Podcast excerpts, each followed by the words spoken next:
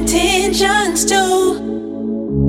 I never felt this way before. It's all brand new.